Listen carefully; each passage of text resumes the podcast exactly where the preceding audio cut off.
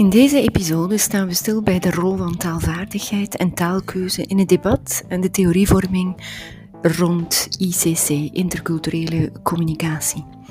We bespreken eerst een aantal voorbeelden waarbij duidelijk wordt dat misverstanden vaak helemaal niets met cultuurverschillen of cultuurwaarden te, te maken heeft, maar veel met taalverschillen en taalvaardigheid. Ik toon jullie ook dat de interactionele sociolinguïstiek een geschikte methode is om de nadruk te leggen op het feit dat ICC een vorm van communicatie is waarbij taalvaardigheid en taalkeuze uiterst belangrijk zijn. We hebben het ook over taalideologie en hoe taalideologie individuele praktijken, maar ook beslissingen op niveau van een instelling, een staat en zelfs in commerciële contexten, hoe taalideologie vorm kan geven aan bepaalde handelingen, bepaalde uitdrukkingen. In het eerste deel van het hoofdstuk legt Piller de nadruk op het feit dat interculturele communicatie nagenoeg altijd meertalige communicatie is. En dat er dus personen met een andere taal met elkaar in interactie gaan. En om de rol om die taal, om de rol van die taal, die taalkeuze die moet worden gemaakt om die interactie tot een goed einde te brengen en de rol die taalvaardigheid daarbij speelt, start Piller met een fragment, een korte getuigenis van een Amerikaanse, dus Engelstalige vrouw, Corey Heller, die in Duitsland is gaan wonen. Zij getuigde over een frustrerende situatie waarmee zij werd geconfronteerd kort nadat ze in Duitsland was gaan wonen. Ik lees jullie de getuigenis voor. Op een dag was ik iets aan het kopen in een winkel. Ik had de kassierster een briefje van 50 gegeven, maar ze gaf me maar een biljetje van 10 terug en een paar muntjes. Ik sloeg in paniek. Ze had me een briefje van 20 moeten teruggeven en ook nog wat muntjes. Ik probeerde haar dat te vertellen, maar in mijn Duitse les had ik nog niet geleerd hoe je de verleden tijd in het Duits gebruikt. Dus zei ik: Jij geeft me 10 euro. De vermoeide, geërgerde kassierster staarde me bot aan en wilde verder gaan met de volgende in de rij.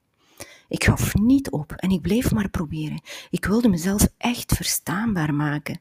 Ik hapte naar adem, ik werd rood van woede. Je geeft me 20 euro, maar je geeft me 10 euro. Het was een hopeloze toestand. Uiteindelijk vroeg een vriendelijke heer na mij in de rij of ik misschien Engels sprak. Ik reageerde opgelucht. Ik legde de situatie uit. Hij vertaalde het voor de kassierster en ik kreeg het juiste geld terug. Maar ik kreeg ook een erg gemene blik van de kassierster. Ik voelde me klein, onbelangrijk. Ik had zin om aan iedereen te vertellen: hey mensen, ik kom uit Amerika, ik ben hoog opgeleid, ik ben niet zo dom als het lijkt, ik ben net zoals jullie. Maar in plaats daarvan zei ik: Dank u. Ik liep naar huis en ik huilde. Wat gebeurt hier? Waarom loopt het mis? Is Corey Heller, de dame van de getuigenis, is zij misschien cultureel te anders om deze transactie aan de kassa tot een goed einde te brengen? Loopt het daarom mis? En zou stereotyperend intercultureel advies hier geholpen hebben? Advies in de trend van ja maar, Duitsers houden van recht toe, recht aan communicatie. Formuleer je eis dus duidelijk. Wees niet bang om de puntjes op de i te zetten. Zou dit soort advies geholpen hebben? Wat een domme vraag, hoor ik jullie denken. En terecht. Wat leren we uit dit voorbeeld? Het gaat, en dat wisten jullie al, het gaat om taalvaardigheid. Corey Heller spreekt op dat moment onvoldoende Duits om zich voor te doen, op te voeren, te performen, zegt Piller, als een bekwame winkelbezoeker. En een bekwame winkelbezoeker is hier iemand die een vergissing van een kassierster kan rechtzetten. Met andere woorden, wie we zijn in een interculturele meertalige setting hangt dus voor een groot deel af van hoe en vooral hoe goed we ons kunnen uitdrukken, van onze taalvaardigheid dus.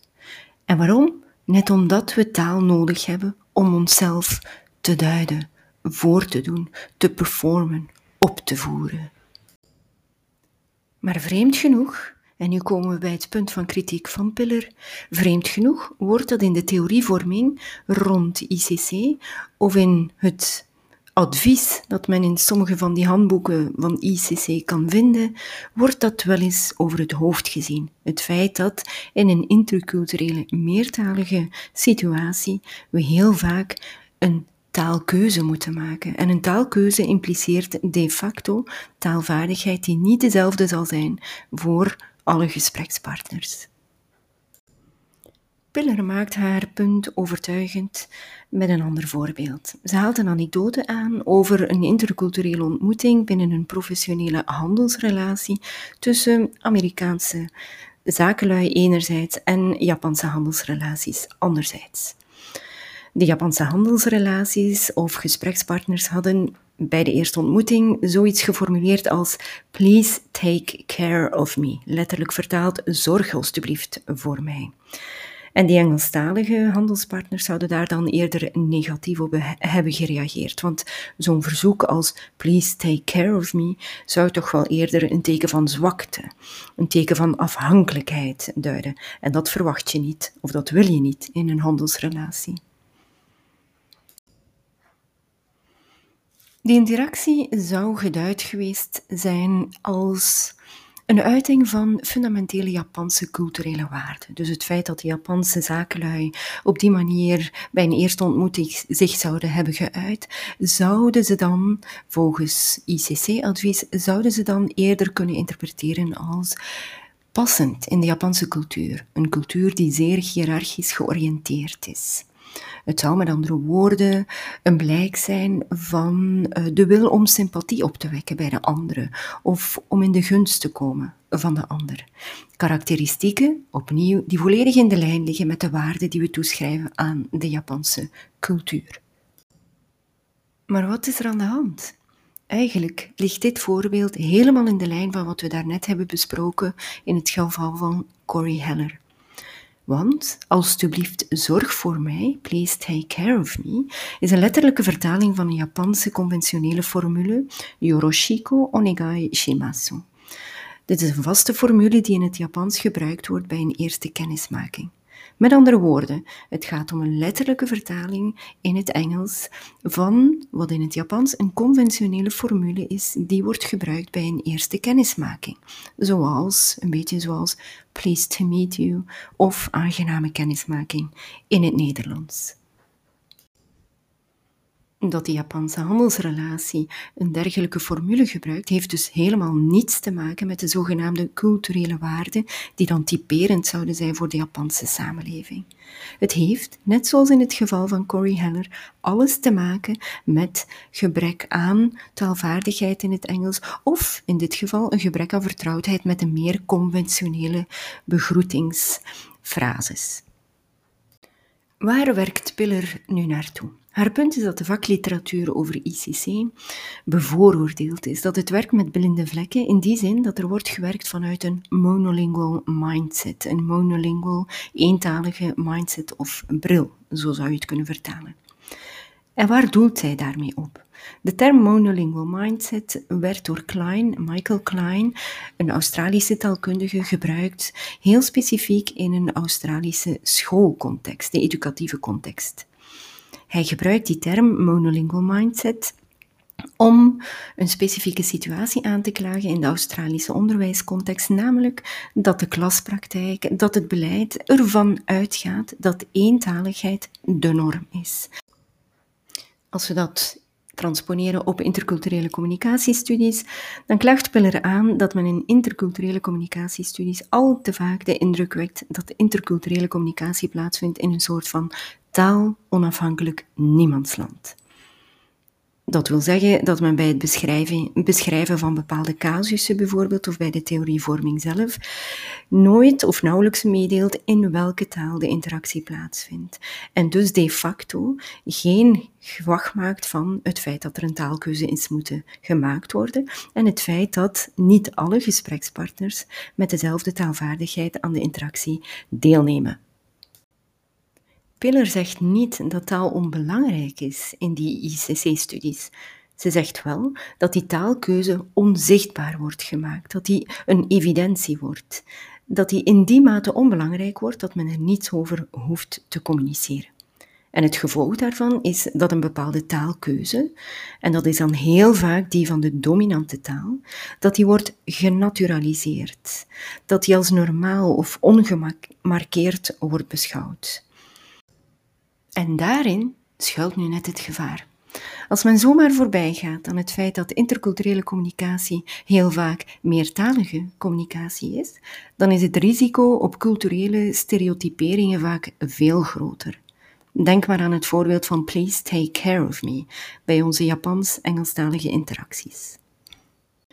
Een onderzoekstraditie die systematisch dat kijken vanuit die eentalige bril of met die monolingual mindset die dat ter discussie stelt, die onderzoekstraditie is interactionele sociolinguïstiek, die ik hier voor het gemak IS zal benoemen.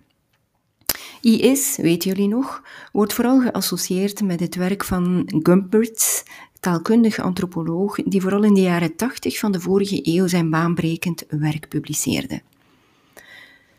Ik herhaal even, of herinner jullie er even aan, dat IS face-to-face interacties bestudeert. Dus altijd authentieke situaties, situated language, zal bestuderen. De premisse die wordt gehanteerd bij interactionele sociolinguïstiek is dat de mensen, personen, door middel van hun taalgedrag, hun taalgebruik, gestalte geven aan de, de interactie, dus het verdere verloop van de conversatie. En dat ze daarbij de identiteit, maar ook hun deel, of beter, hun deelidentiteit, daarmee vormgeven. Dus dat mensen door variaties in hun taalgedrag juist de interactie en die identiteit of deelidentiteiten die ze wensen op te voeren, kunnen variëren. Interactionele sociolinguïstiek wordt vaak, niet uitsluitend, maar vaak gebruikt bij het bestuderen van interacties tussen mensen met verschillende achtergronden. Piller bespreekt vanaf pagina 81 in haar handboek bespreekt het onderzoek van Celia Roberts en haar collega's, die in 2005 of de jaren net daarvoor een grootschalige studie in Londense ziekenhuizen heeft uitgevoerd. Die studie ligt helemaal in de traditie van interactionele sociolinguïstiek. Wat deden Celia Roberts en haar collega's? Zij namen 232 raadplegingen van consultaties op. Die consultaties vonden plaats in vier Londense ziekenhuizen, vier verschillende Londense ziekenhuizen die in Londense stadsdelen lagen waar veel etnische diversiteit was. Wat deden ze dan? Ze onderzochten, ze identificeerden alle misverstanden die zich voordeden tijdens die consulten. En hun conclusies, of wat ze vaststelden, was dat in zo'n 20% van alle opgenomen consultaties misverstanden werden vastgesteld. Maar, en dit is heel belangrijk, na grondige microanalytische analyse stelden ze vast dat die misverstanden grotendeels het gevolg waren van taal, taalvaardigheid, taalcompetentie, taalstijl. En dat dat niet had te maken met cultuurproblemen of verschillen in opvattingen over gezondheid bijvoorbeeld, of over de rol van gezondheid, de rol van pijn, de rol van medicatie, het belang dat men eraan hecht, of de relatie tussen de arts en de patiënt enzovoort. In het tweede deel van hoofdstuk 5 gaat Piller in op taalideologie. Want taalkeuze is natuurlijk ook dikwijls een kwestie van taalideologie. Taalideologie verwijst naar het geheel van, of de set van overtuigingen, opvattingen, ideeën die we hebben over welke taal of taalvariant correct, succesvol of nuttig is. En welke andere taal of taalvariant dat dan niet is of minder is. Op zich, geïsoleerd genomen, zijn taalideologieën niet slecht of niet goed. Ze dragen wel bij tot het bredere of een bredere context, een sociale, bredere politieke orde. Taalideologieën dragen bij tot het legitimeren of het rechtvaardigen van een bepaalde sociale en politieke orde binnen een samenleving. Taalideologieën bepalen in het bijzonder welke talen bijvoorbeeld prestigieus zijn en welke dat niet zijn binnen een samenleving op een bepaald moment in de geschiedenis. Ik geef jullie een kort voorbeeldje om dat wat concreter te maken. Vergelijk bijvoorbeeld leerling 1, die tweetalig Turks-Nederlands is. Vergelijk die leerling met een andere leerling, leerling 2, die tweetalig is, Nederlands-Engels. In een Vlaamse context, in een Vlaamse schoolcontext in het bijzonder, zal leerling 1 mm, en de tweetaligheid van leerling 1 als minder succesvol, minder nuttig, minder prestigieus worden gezien dan die tweetaligheid van leerling 2. De overtuiging dat Engels nuttiger is, dat het meer kans biedt op werk, nuttig werk, succesvol werk. Wel, die overtuiging, dat maakt deel uit van de taalideologie. Taalideologie kan zowel bewust als onbewust doorcijpelen en zit trouwens aan de basis van tal van beslissingen.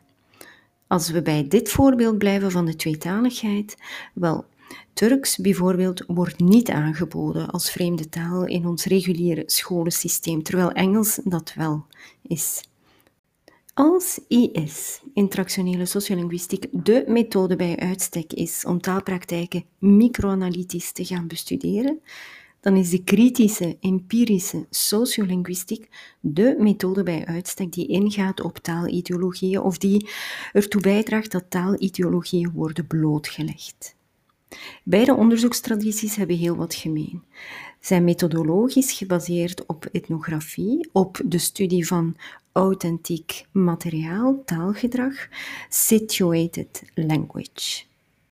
Maar er zijn ook verschillen. De kritische empirische sociolinguïstiek bouwt veel sterker op een andere onderzoekstraditie, die van de Political Economy of Language, of politieke taaleconomie, die in de lijn ligt van de inzichten van de Franse socioloog Pierre Bourdieu. Het kan een anekdote zijn, maar ik vertel die er graag bij, omdat het sterk zijn werk heeft beïnvloed. Bourdieu was van een zeer bescheiden afkomst. Hij was de zoon van een herder. En de rode draad in al zijn werk, of in tal van zijn werken, is de sociale ongelijkheid en de machtsstructuren binnen een samenleving. Om Bourdieu's denken en theorieën beter te kunnen kaderen, is het belangrijk om de context waarin hij werkt en waarin hij um, zijn theorieën ontwikkelt even te schetsen. De meeste van zijn ideeën, of een belangrijk deel van zijn ideeën en van zijn theorie, kwamen tot stand in de jaren 60, 70 van de vorige eeuw, hoogtij van het structuralisme. Zijn belangrijkste punt van kritiek in het zoeken naar oorzaken en manieren van toelichten van die sociale ongelijkheid was dat heel veel gebeurde op basis van een marxistisch denken. In een klassiek marxistisch denken werden ongelijkheden en machtsverhoudingen in de samenleving vooral toegelicht vanuit de verschillen tussen klassen. Je behoort tot de arbeidersklasse of je behoort tot de klasse van de bourgeoisie.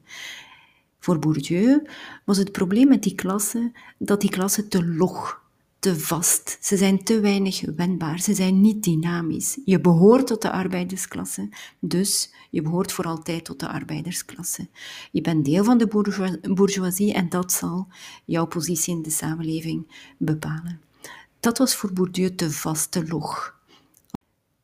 Hij probeerde daarom ongelijkheden en machtsverhoudingen in de samenleving op een iets dynamischer manier te concipiëren. En dat heeft hij geprobeerd aan de hand van zijn theorie des champs, theorie des champs of theorie van de velden. Wat zegt hij? Wat beweert Bourdieu? Mensen, personen, individuen die behoren tot de samenleving, hebben verschillende soorten kapitaal nodig tot hun beschikking om macht en invloed te verwerven in een samenleving zeg maar, om ervoor te zorgen dat je je bevoorrechte positie kan aanhouden of andersom, je kan kapitaal inzetten om van een minder bevoorrechte positie naar een iets meer bevoorrechte positie te evolueren. Bourdieu onderscheidt verschillende vormen van kapitaal. Ten eerste is er het cultureel kapitaal. Kennis, cognitieve vaardigheden, opleiding enzovoort. Jullie bijvoorbeeld zijn cultureel kapitaal aan het opbouwen via de opleiding. Een tweede vorm van kapitaal is het sociaal kapitaal. Dat zijn de sociale netwerken die jouw positie in de samenleving kunnen beïnvloeden. Bijvoorbeeld het behoren tot een bepaalde vriendenkring, of de, de familie waartoe je behoort, of lidmaatschap van een vereniging. Een derde vorm van kapitaal is economisch kapitaal. Dat kan geld zijn, dat kan onroerend goed zijn. Bourdieu heeft er ook nog een vierde soort van kapitaal aan toegevoegd en dat is nu net de belangrijkste voor ons. Hij voegt er linguistisch kapitaal aan toe en doelt daarmee op het spreken van de juiste taalcode of het spreken van de juiste taalvariant. Ook dat kan onze plaats en onze positie in de samenleving bepalen. Volgens Bourdieu leidt het valoriseren van bepaalde taalpraktijken of bepaalde taalvarianten boven andere leidt dat ertoe dat bepaalde taalgebruikers, de sprekers van die taalvarianten, ofwel automatisch toegang krijgen tot een bepaalde sociale ruimte, ofwel geweigerd kunnen worden tot een bepaalde sociale ruimte. Het wordt misschien wat concreter als we het aan de hand van een voorbeeld zien. Herinneren jullie het fragment Wat als iedereen sprak als een Marokkaan? In de sociale ruimte van een concertzaal, een concertzaal voor klassieke muziek, verwachten we niet om, die specifieke, um, om dat taalgebruik te horen. Met andere woorden, gebruikers van dat specifieke taalgebruik, die hier stereotyperend natuurlijk de Marokkaan is, wel, gebruikers met dat, dat specifiek taalgedrag verwachten we niet, worden eigenlijk niet toegelaten tot de sociale ruimte van, het klassieke, van de klassieke concerten. Goed, terug naar Piller nu. Zij hamert erop dat dit soort beslissingen, dus beslissingen over wie toegang krijgt waartoe, tot welke, tot welke sociale ruimte, of beslissingen in verband met wat gepast taalgebruik is en wat niet, in welke sociale ruimte en waar niet, wie gehoord wordt, wie een stem krijgt en wie niet, dat dat soort beslissingen eigenlijk ook sterk gestuurd kunnen worden door de staat, door de overheid, door de politieke beslissers. Ze illustreert dat aan de hand van een aantal voorbeelden. Ik zal hier één enkel toelichten, dat van Shika Honda. Shika Honda was een Japanse toeriste die in 1992 op de luchthaven van Melbourne werd aangehouden. Er werden namelijk grote pakken heroïne in haar koffer ontdekt. Ze werd aangehouden samen met vier andere personen van hetzelfde reisgezelschap, die ook om diezelfde reden werden aangehouden. Honda heeft haar onschuld altijd staande gehouden en kwam uiteindelijk vrij in 2003 toen ze naar Japan is teruggekeerd. Wat bleek, er liepen wel een aantal dingen fout. Ik behandel er hier een aantal. Ten eerste, Australië verbindt zich ertoe, toen ook al, om niet-Engelstalige verdachten te laten bijstaan door tolken. Dat is een wettelijke verplichting in Australië. Wat er in 1992 gebeurde, was het volgende. Gelet op de uitzonderlijke situatie, namelijk dat er vijf Japanse toeristen tegelijkertijd werden aangehouden en verhoord, moesten er ook tegelijkertijd vijf tolken worden ingezet. En zelfs voor een grote stad als Melbourne bleek dat geen sinecure. Gevolg: van de vijf tolken was er slechts één gecertificeerd. Twee andere zogenaamde tolken hadden geen enkele tolk- of vertaalkwalificatie, geen enkele ervaring. En nog eens twee andere tolken waren ad hoc en hadden wel wat enige ervaring als vertaler, maar hadden eerder nog nooit getolkt. Bij een post hoc detailanalyse van de getolkte gesprekken, jaren nadien, werd een ernstig aantal taalproblemen vastgesteld. Bijvoorbeeld, de beurten door de politieagenten waren veel te lang en waren bijzonder slecht afgebakend, waardoor de tolken hun werk onmogelijk op een correcte manier konden doen. De gevolgen daarvan natuurlijk, er waren bijzonder veel weglatingen, fouten, wijzigingen in de getolkte weergave. Qua tolktransfer zat het helemaal mis. Er werd daarin nooit gecontroleerd op een goed begrip, nog door de tolken, nog door de politie. Andere elementen, de info die door de politieagenten over de situatie van de verdachte werden meegegeven, werd gecommuniceerd als een zeer routineuze, routineuze mededeling, eerder dan een zeer duidelijke boodschap met betrekking tot de situatie. Het gevolg daarvan was dat sommige verdachten ook heel verkeerd hun, de ernst van de zaak hebben ingeschat en daardoor nooit de consulaire hulp hebben ingeroepen waar ze recht op hadden.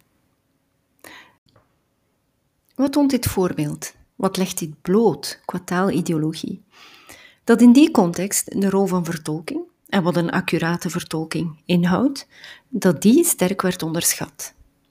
Dat de rol van een tolk in het geven van een stem aan een persoon die zich op een gegeven moment in een minder bevoorrechte positie bevindt, dat die rol sterk werd onderschat door het staatsapparaat en hier het politionele apparaat in die periode en in die specifieke context. De zaak Chica Honda toont ook aan dat andere talen dan het Engels beduidend van minder belang waren toen. We zagen hier een voorbeeld van hoe taalideologie kan doorcijpelen tot op het niveau van het politioneel apparaat. Maar, zo toont Piller ons, we zien net hetzelfde in een meer commerciële sector. Ze haalt daarbij het onderzoek aan van collega Jan Blommaert, die een analyse heeft gemaakt van advertentieteksten waarin men inzet op het trainen van de juiste uitspraak. Het gaat dus om promomateriaal van commerciële taalinstituten die daarin aankondigen dat met de juiste uitspraak, met het juiste Amerikaanse accent, dat je kan bekomen wat je wilt. Dat de deuren voor een beloftevolle en een succesvolle carrière voor je open liggen. Wat zijn de onderliggende taalideologieën hier? Een Amerikaans accent staat garant, biedt garantie op een succesvolle carrière, op professioneel succes. We zijn aan het einde van hoofdstuk 5 aangekomen. Ik vat nog even de argumentatieve lijn van Piller samen. Interculturele communicatie is veelal meertalige communicatie.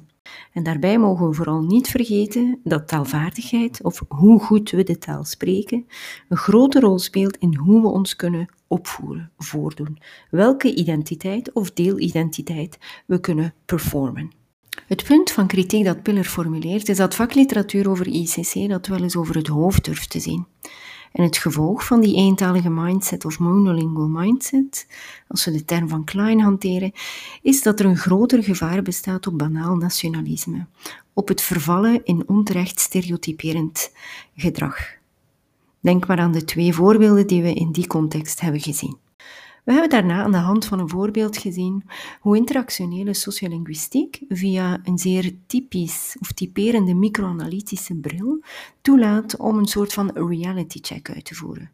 En steeds te kijken naar wat nu de bijzondere oorzaken van de misverstanden zijn.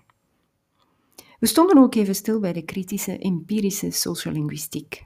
Die deelt met de interactionele sociolinguïstiek de aandacht voor situated language, het bestuderen van taalgebruik in specifieke contexten, dus helemaal niet in labelsettings. Het verschil tussen die twee is dat de kritische empirische sociolinguïstiek sterk verder bouwt op de onderzoekstraditie in de lijn van Bourdieu. We gaven ook een definitie van taalideologie en zagen enkele voorbeelden. Daarna maakten we een sprong van de microanalytische bril naar de macroanalytische. We zagen aan de hand van het voorbeeld van Chica Honda dat de staat een belangrijke rol kan spelen in het geven of het ontnemen van een stem. En in dit geval gebeurde dat via een defectueuze taalondersteuning.